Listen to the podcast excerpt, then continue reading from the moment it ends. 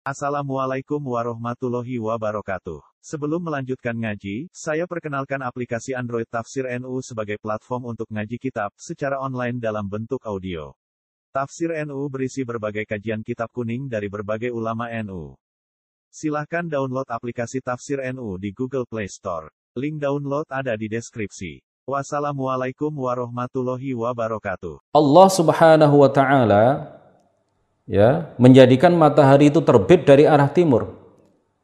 Kalau engkau memang mengaku diri kamu sebagai Tuhan dan kamu layak disembah, maka terbitkanlah matahari itu dari arah barat. Terbungkam dia, ya Raja Namrud tidak bisa menjawab, terbungkam seribu bahasa.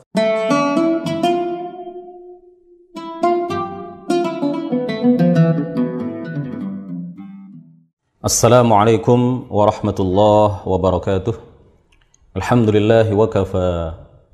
والصلاة والسلام على سيدنا المصطفى وعلى آله وصحبه أهل الصدق والوفا أما بعد Para pemirsa yang ولي الله سبحانه وتعالى wa الله kita telah sampai pada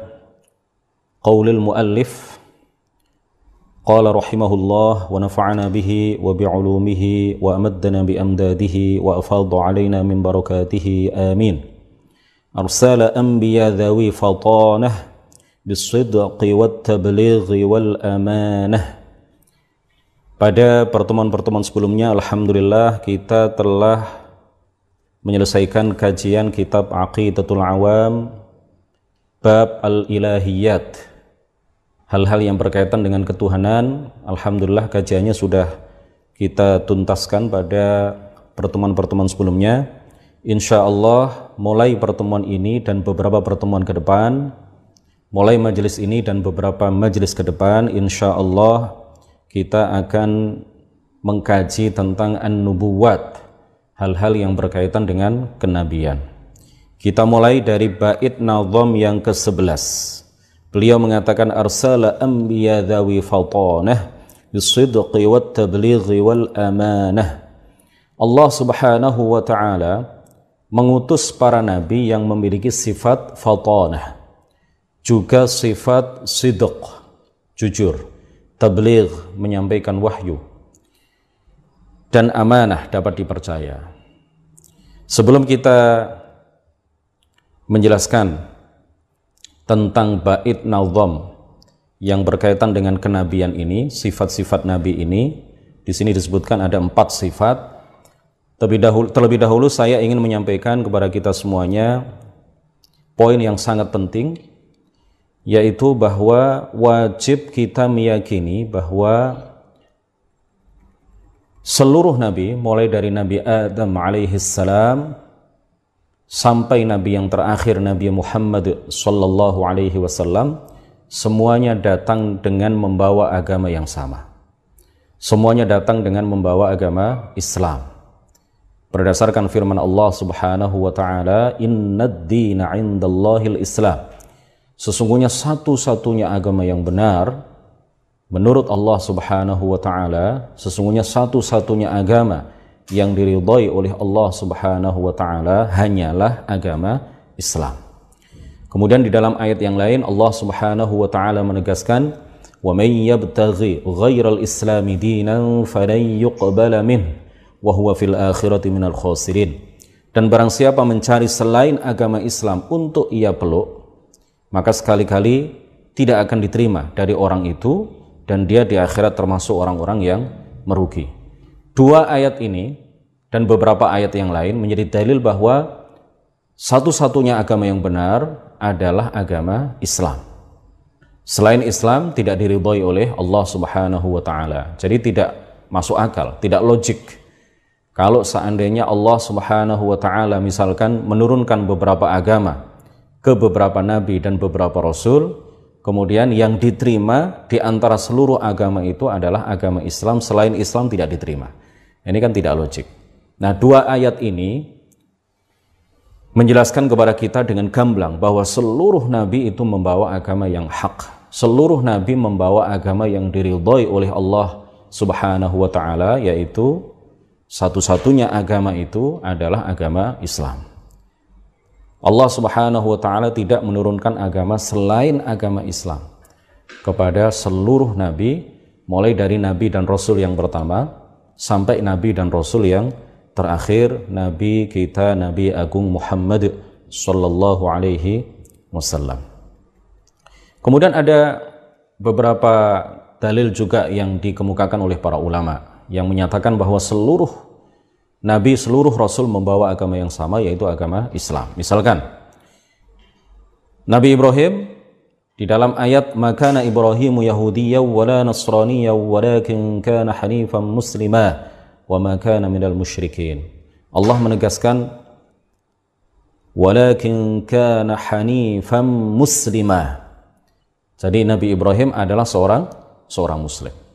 Kemudian Nabi Sulaiman juga adalah seorang muslim. Innahu min Sulaiman wa innahu bismillahirrahmanirrahim. Alla ta'lu alayya wa'tuni muslimin. Jadi Nabi Sulaiman adalah seorang muslim, umat Nabi Sulaiman adalah orang-orang Islam. Umat Nabi Ibrahim yang taat kepada beliau, taat kepada ajaran yang beliau bawa adalah orang-orang yang beragama Islam. Begitu juga Nabi Adam adalah seorang muslim. Umat Nabi Adam adalah umat Islam. Nabi Nuh adalah seorang muslim kaum Nabi Nuh yang taat kepada beliau, yang mengikuti ajaran beliau adalah orang-orang yang beragama Islam dan begitu seterusnya. Kemudian Nabi Yusuf alaihissalam adalah seorang muslim. Allah Subhanahu wa taala menceritakan tentang doa yang dibaca oleh Nabi Yusuf alaihissalam. Beliau mengatakan tawaffani muslima wa alhiqni bis salihin. Tawaffani muslima. Wafatkanlah aku ya Allah dalam keadaan muslim. Nabi Isa juga adalah seorang muslim. Allah Subhanahu wa taala menegaskan falamma ahassa Isa minhumul kufra man ansari ila Allah qala al hawariyun nahnu ansarullah amanna billahi washhad bi anna muslimun. Jadi Nabi Isa, Nabi Musa dan seluruh nabi, seluruh rasul mulai dari yang pertama sampai yang terakhir semuanya adalah para nabi yang beragama Islam, umat mereka yang taat kepada mereka, yang taat kepada ajaran yang mereka bawa, semuanya adalah orang-orang yang beragama Islam. Nah, yang membedakan antara satu nabi dengan nabi yang lain, satu rasul dengan rasul yang lain, ini bukan pada agamanya, karena agamanya sama, yaitu Islam. Yang berbeda antara satu nabi atau satu rasul dengan rasul yang lain adalah pada syariat yang dibawa sebagaimana difirmankan oleh Allah Subhanahu wa taala likullin ja'alna minkum syir'atan wa minhaja. Dan untuk tiap-tiap umat di antara kalian umat Muhammad dan umat-umat sebelumnya kami kata Allah berikan aturan dan jalan yang terang. Kemudian di dalam sebuah hadis Rasulullah Shallallahu alaihi wasallam memberitahukan kepada kita al-anbiya'u ikhwatun li'allat dinuhum wahidun wa ummahatuhum syatta para nabi itu seluruhnya e, ibarat saudara-saudara satu ayah tetapi beda ibu. Ibarat ya. Rasulullah mengumpamakan para nabi itu bagaikan saudara-saudara satu ayah tetapi beda beda ibu. Kenapa? Dilanjutkan oleh Rasulullah Shallallahu Alaihi Wasallam dalam lanjutan hadis ini dinuhum wahidun karena agama mereka sama yaitu Islam. Wa ummahatuhum syatta dan ibu-ibu mereka syariat yang dibawa oleh mereka hukum-hukum yang dibawa oleh mereka itu berbeda-beda ini adalah hadis yang diriwayatkan oleh Al-Bukhari, Muslim, Ahmad, Ibnu Hibban dan yang lain. Dari ayat likullin ja'alna minkum syir'atan wa minhaja dan hadis al-anbiya'u ikhwatun li'allat dinuhum wahidun wa ummahatuhum syatta Para ulama menyimpulkan bahwa para nabi itu agamanya sama yaitu Islam, sedangkan syariat yang dibawa itu berbeda-beda. Contoh mengenai syariat yang berbeda-beda. Dulu pada umat-umat nabi terdahulu diturunkan syariat eh, boleh mengumpulkan dua orang perempuan ya yang masih bersaudara itu menjadi istri. Ya, boleh menikahi dua orang eh, yang masih bersaudara, dua orang perempuan yang masih bersaudara itu boleh dinikahi dalam satu waktu. Itu dalam syariat nabi-nabi ya eh, seorang nabi terdahulu, seorang rasul terdahulu. Sedangkan syariat itu kemudian dihapus pada syariat Nabi Muhammad sallallahu alaihi wasallam. Contoh lain misalkan umat-umat terdahulu diturunkan syariat kepada mereka. E, solat itu harus di tempat yang khusus dibangun untuk solat. Ya, kalau bahasa kita sekarang adalah masjid, ya atau musola. Ya, e, istilah pada zaman itu adalah bi'ah misalkan, sauma'ah. Bi'ah dijamakkan menjadi bi'a ya. Sauma'ah dijamakkan menjadi sawami' jadi sholat pada waktu itu harus di tempat-tempat yang memang khusus dibangun untuk sholat jadi kalau ada orang yang dalam perjalanan kemudian tiba waktu sholat lalu tidak menemukan bangunan yang khusus dibangun untuk sholat maka sholatnya di pending. Ini tidak berlaku lagi pada syariat Nabi Muhammad Sallallahu Alaihi wasallam. Kita boleh melakukan sholat di mana pun kita berada. Karena semuanya ini dijadikan oleh Allah subhanahu wa ta'ala sebagai masjid ya, sebagai tempat sujud sebagai tempat sholat di bagian bumi mana pun asalkan tempatnya suci maka kita boleh melakukan sholat di situ. Nah ini beberapa contoh syariat yang berbeda-beda. Kemudian mungkin ada pertanyaan ya mengenai ayat 163 dalam surat Al-An'am. Allah Subhanahu wa taala berfirman menceritakan tentang perkataan Nabi Muhammad sallallahu alaihi wasallam la syarika lahu wa bidzalika umirtu wa ana awwalul muslimin. La ya Nabi Muhammad berkata tidak ada sekutu baginya tidak ada sekutu bagi Allah. Wa bidzalika umirtu dan demikianlah yang diperintahkan kepadaku wa ana awwalul muslimin. Dan aku adalah muslim yang pertama. Ini sebagian orang memahami ayat ini secara salah kemudian menyimpulkan bahwa Nabi Muhammad adalah adalah muslim pertama. Eh, tidak ada seorang muslim pun sebelum Nabi Muhammad sallallahu alaihi wasallam. Nah, ini ini berbeda dengan apa yang dijelaskan oleh para ulama tafsir. Di antaranya adalah misalkan Al-Imam At-Tabari Beliau mengatakan bahwa wa ana awwalul muslimin dalam ayat ini itu kata beliau tafsirnya adalah ai awwalul muslimin min hadhil ummah. Artinya adalah bahwa Nabi Muhammad adalah muslim pertama di kalangan umat ini. Muslim pertama pada masanya. Ya, muslim pertama pada pada masanya. Ini sama dengan misalkan perkataan kita bahwa Syekh Abdul Qadir Al-Jilani atau Al-Jailani adalah Sultanul Aulia, pimpinan para wali. Padahal para ulama sepakat menyatakan bahwa pimpinan para wali di kalangan umat Nabi Muhammad tiada lain tiada bukan adalah Sayyiduna Abu Bakr As-Siddiq radhiyallahu anhu. Ya, sahabat Rasulullah yang menemani beliau di gua Hira eh, di gua Thaur ya, ketika dikejar oleh orang-orang kafir Quraisy ketika itu yang menemani Rasulullah ketika hijrah. Beliau adalah khalifah yang pertama yang diperintahkan oleh Rasulullah untuk menggantikan beliau ketika Rasulullah wafat sebelum meninggal dunia.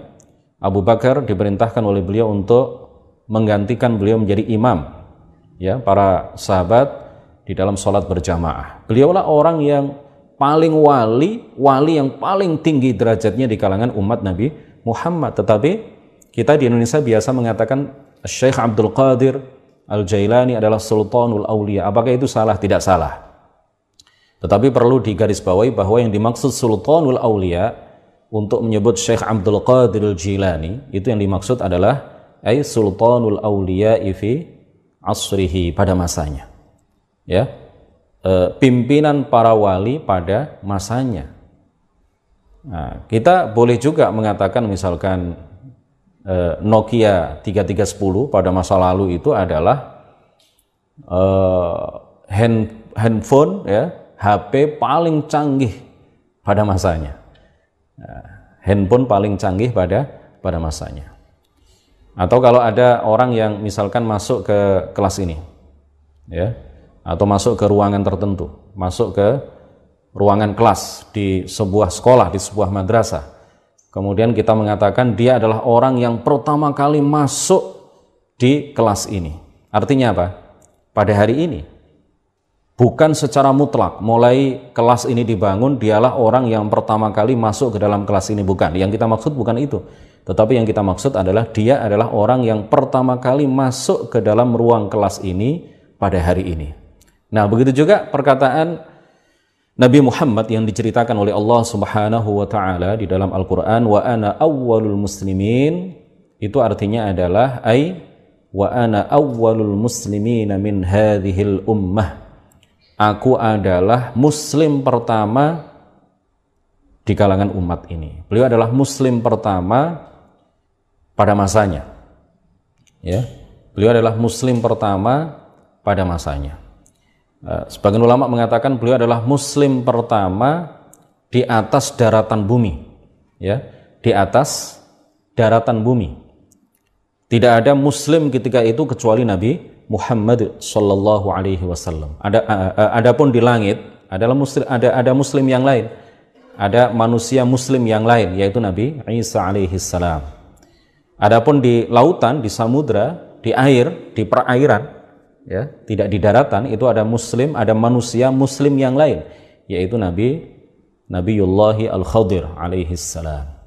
Jadi beliau adalah muslim pertama di atas daratan ya, bumi pada masanya.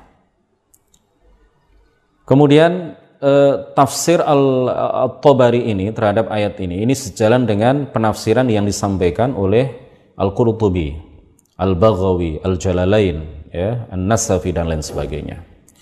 Kemudian muncul pertanyaan biasanya, kenapa orang-orang Yahudi disebut Yahudi Kenapa orang-orang Nasrani disebut Nasrani? Padahal para pengikut Nabi Musa adalah orang-orang Islam. Para pengikut Nabi Isa pada saat Nabi Isa masih di atas bumi, belum diangkat ke langit adalah orang-orang Islam. Pengikut Nabi Musa ya adalah orang-orang Islam. Kenapa mereka disebut Yahudi? Pengikut Nabi Isa adalah orang-orang Islam. Kenapa mereka disebut Nasrani? Nah, kita simak penjelasan Al-Imam Al-Qurtubi di dalam tafsir Al-Qurtubi. Beliau mengatakan begini. Nusibu ila Yahuda wa huwa akbar waladi Ya'qub alaihi salam. فقلبت العرب الذال دالا لأن الأعجمية إذا عربت غيرت عن لفظها Jadi Yahudi, para pengikut Nabi Nabi Musa alaihi salam disebut Yahudi. Kenapa? Karena mereka dinisbatkan kepada putra pertama Nabi Yakub yang bernama Yahuda yang bernama Yahuda pakai zal ya. E, kemudian orang-orang Arab itu mengganti zal ini dengan dal sehingga kemudian mereka mengistilahkannya mengistilahkan ya menyebut e, sebagai sebuah istilah keturunan e, apa siapa tadi? E, putra pertama dari Nabi Yakub itu sebagai Yahud ya. Ya, karena bahasa non Arab, ajamiyah, bahasa non Arab itu biasa di, di jika bahasa non Arab kemudian diserap menjadi bahasa Arab, ya, diarabkan, kemudian biasa orang Arab itu mengganti beberapa lafadznya, mengganti beberapa hurufnya. Sehingga asalnya Yahuda dinisbatkan kepada Yahuda, tetapi kemudian disebut Yahud, orang-orang Yahudi. Jadi pendapat yang pertama ini mengatakan bahwa kenapa disebut Yahud? Orang-orang yang mengikuti Nabi Musa alaihi salam kenapa disebut Yahud? Karena mereka dinisbatkan kepada putra pertama Nabi Yakub yang bernama Yahuda karena mereka adalah anak keturunan Yahuda. Kemudian pendapat yang kedua, kenapa mereka disebut Yahud? Ya, sebagian ulama mengatakan masih di kitab tafsir Al-Qurtubi waqila summu bidzalika litaubatihim an ibadatil ijl. Hada ay taba wal haidu at-taibu. Wa fit tanzil inna hudna ilaika ay tubna. Jadi ceritanya suatu ketika Nabi Musa alaihi salam meninggalkan daerahnya ya ke suatu tempat untuk berdakwah di tempat lain. Kemudian ketika beliau kembali ke tempat tersebut kembali ke daerah eh, ke daerah tersebut beliau mendapati sebagian umatnya itu menyembah anak sapi menyembah ijl ya setelah itu kemudian Nabi Musa alaihi salam marah lalu beliau uh, menyuruh mereka untuk bertaubat dengan mengucapkan dua kalimat syahadat, masuk Islam kembali. Lalu setelah itu beliau memilih 70 orang di antara kaumnya untuk diajak ke suatu tempat bertadarru' kepada Allah, bermunajat kepada Allah. Di tengah-tengah munajat itu Nabi Nabi Musa dan kaumnya mengatakan inna hudna ilaika. Kami kembali ke jalan yang benar ya Allah. Kami bertaubat ya. Kembali ke jalan yang benar ya Allah. Sejak saat itulah orang-orang yang beragama Islam para pengikut Nabi Musa alaihissalam mendapat julukan sebagai Yahud ya. Artinya adalah orang-orang yang bertaubat orang-orang yang bertaubat agama mereka apa agama Islam Kemudian terkait dengan Nasoro, kenapa mereka disebut Nasoro? Para pengikut Nabi Isa alaihi salam, kenapa disebut Nasoro atau Nasrani? Ya, Nasrani itu untuk menyebut satu orang. Dijamakkan kalau untuk menyebut beberapa orang adalah Nasoro. Kenapa mereka disebut Nasoro atau Nasrani? Padahal agama mereka adalah agama Islam. Ada beberapa pendapat, di antaranya adalah Qila summu bidzalika liqaryatin tusamma Nasirah.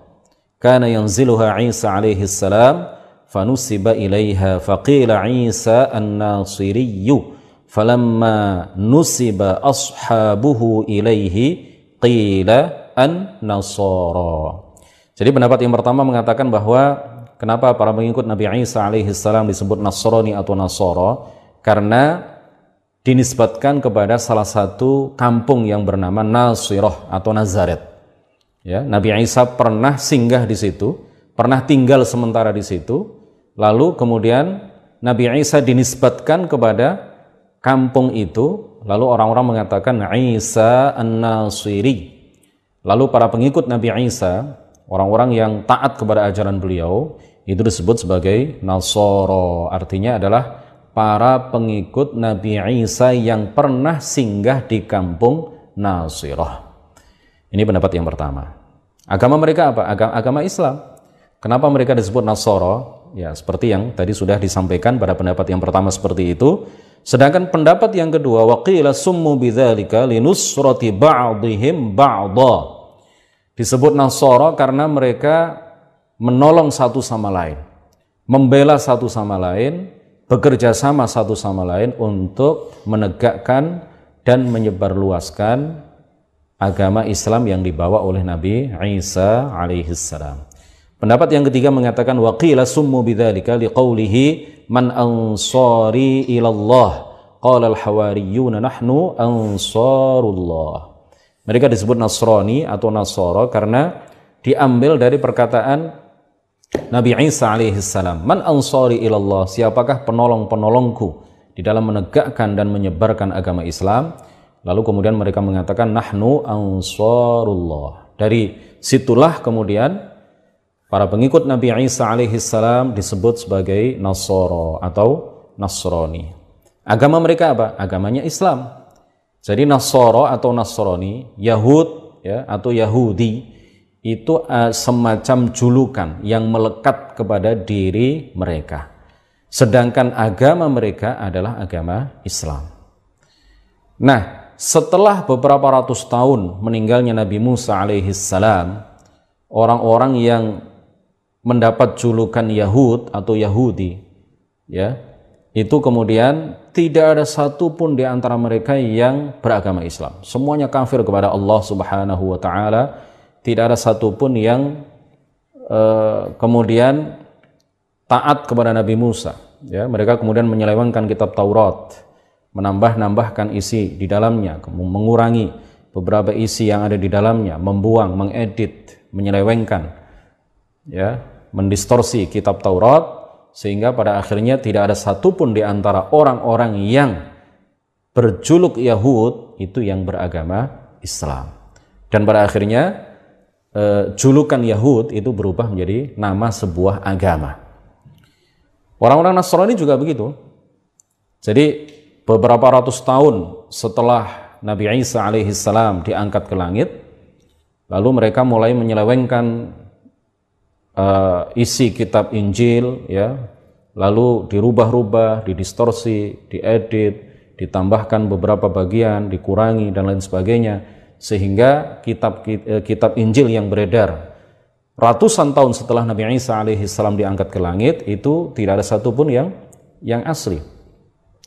Dan saat itulah tidak ada satupun di antara mereka yang kemudian beragama Islam, semuanya kafir kepada Allah Subhanahu wa taala. Tetapi julukan Nasrani ya tetap melekat kepada mereka. Dan pada akhirnya Nasrani itu berubah menjadi sebuah nama agama. Nah ini mungkin eh, sepadan ya.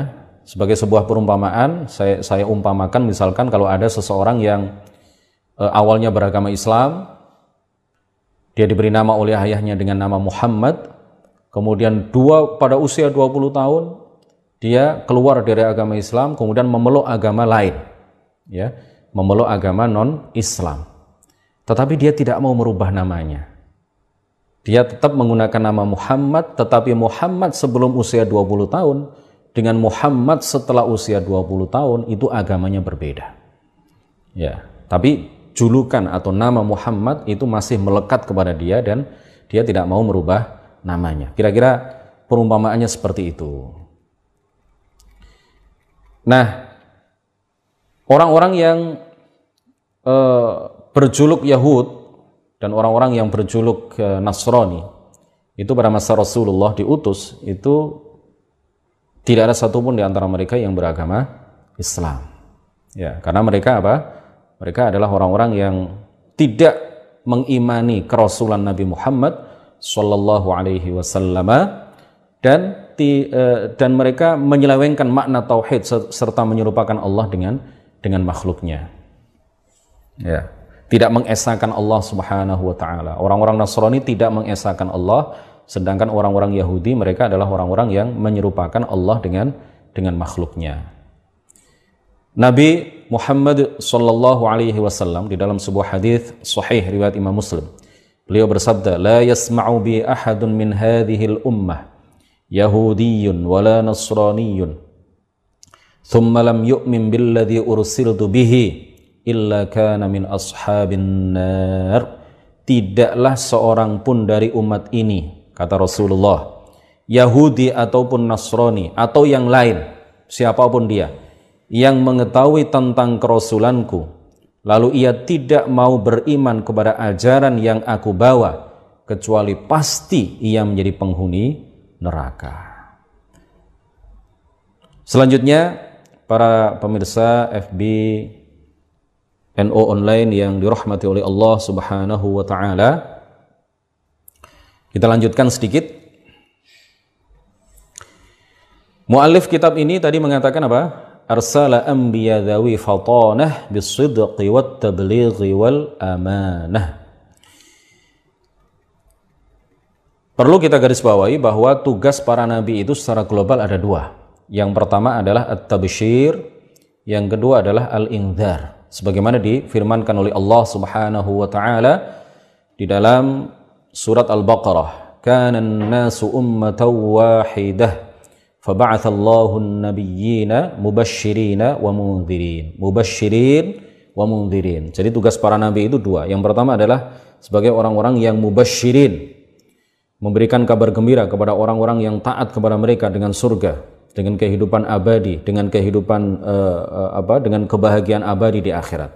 Dan yang kedua adalah wa mundhirin, memberikan peringatan kepada orang-orang yang tidak taat kepada mereka, kepada orang-orang yang kufur kepada Allah dan Rasulnya, ya, kepada orang-orang musyrik. Dengan ya mereka peringatkan mereka dengan neraka di akhirat, dengan kesengsaraan yang abadi di kehidupan akhirat. Nah, kemudian Nabi dan Rasul yang pertama itu adalah Nabi Adam alaihi salam. Jadi Adam itu adalah Nabi sekaligus Rasul. Nanti akan kita jelaskan uh, perbedaan antara Nabi dan dan Rasul. Nabi dan Rasul yang pertama itu adalah Nabi Adam alaihi salam. Jadi kita jangan percaya dengan uh, ajaran sebagian orang Wahabi yang mengatakan bahwa Adam itu hanya nabi bukan rasul. Atau sebagian Wahabi mengatakan Adam itu bahkan bukan nabi bukan rasul. Nauzubillah. Ya ini adalah adalah akidah yang sangat bertentangan dengan akidah yang diajarkan oleh para ulama ahli sunnati wal jamaah. Jadi para ulama ahli sunnah menegaskan bahwa Adam itu adalah nabi sekaligus rasul. Beliau adalah nabi dan rasul yang pertama. Sebagaimana difirmankan oleh Allah Subhanahu wa taala, "Innallaha astafa Adam wa Nuha wa ala Ibrahim wa ala Imran 'alal 'alamin." Berdasarkan ayat ini, para ulama mengatakan bahwa Adam itu adalah seorang nabi dan seorang rasul. Kemudian di dalam sebuah hadis Rasulullah Shallallahu Alaihi Wasallam, sebagaimana diriwayatkan oleh Imam At-Tirmidzi dan Imam Ahmad, beliau mengatakan, "Wa ma min nabiyyin yauma idzin Adam, faman siwahu illa tahta liwa'i." Dari hadis ini juga para ulama menyimpulkan bahwa Adam itu adalah seorang nabi, juga seorang rasul.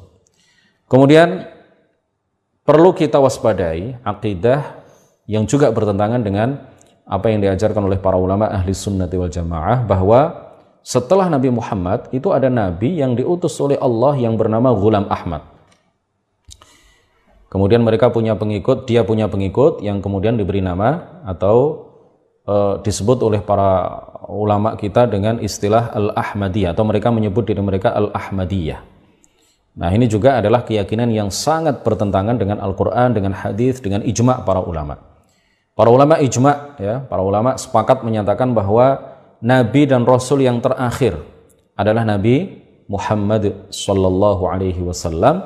Tidak ada Nabi, tidak ada Rasul yang diutus oleh Allah setelah Nabi Muhammad meninggal dunia. Kalau ada pertanyaan Nabi Khaldir itu bagaimana? Setelah Nabi Muhammad kan Nabi Khaldir masih hidup itu. Beliau adalah seorang nabi. Ya, dalam satu pendapat. Menurut pendapat yang benar, beliau adalah seorang nabi.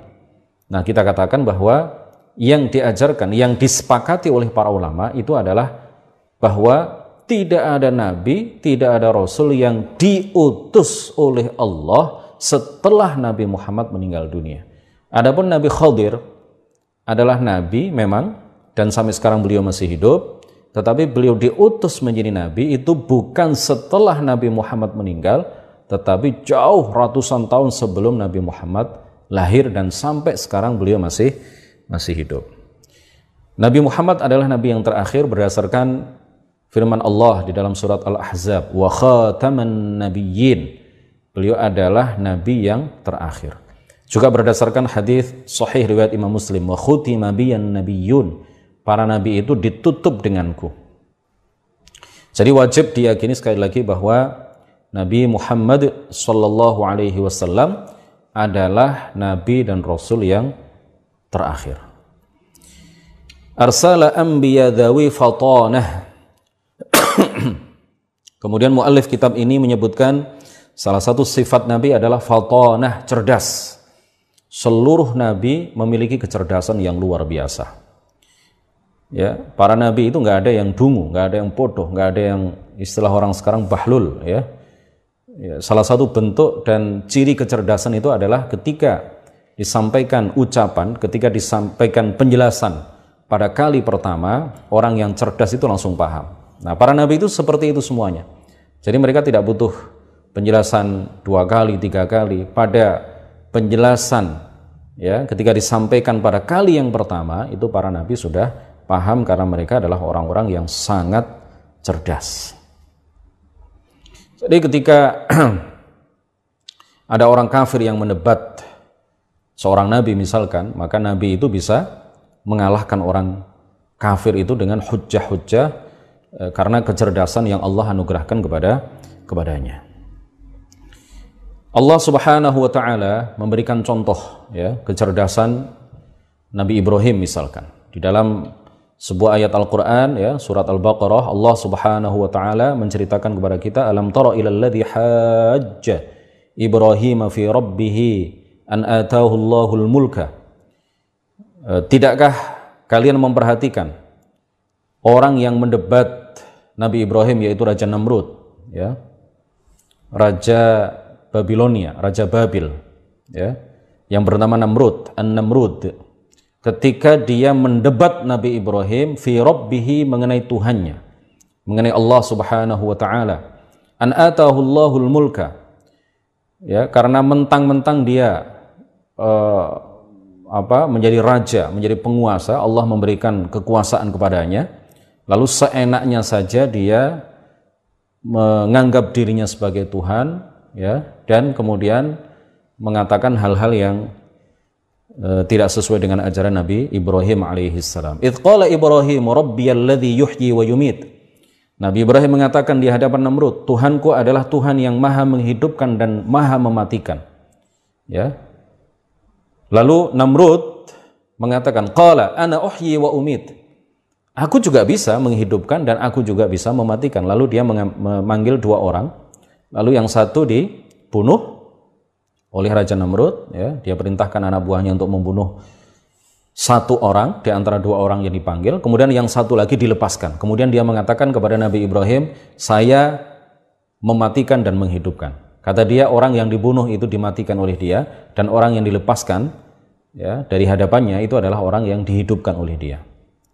Qala Ibrahimu, karena Nabi Ibrahim adalah orang yang sangat cerdas, beliau adalah nabi dan rasul yang diberi kecerdasan yang luar biasa.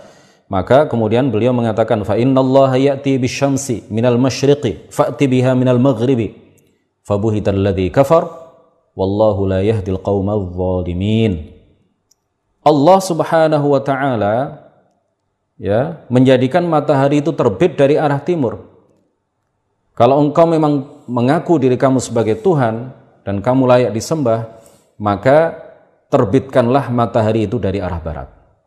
Terbungkam dia, ya Raja Namrud tidak bisa menjawab, terbungkam seribu bahasa, fabuhitalladzi kafar, maka bingunglah Raja Namrud yang kafir ini, wallahu la dan Allah Subhanahu wa taala tidak memberikan hidayah kepada orang-orang yang zalim, kepada orang-orang yang kafir.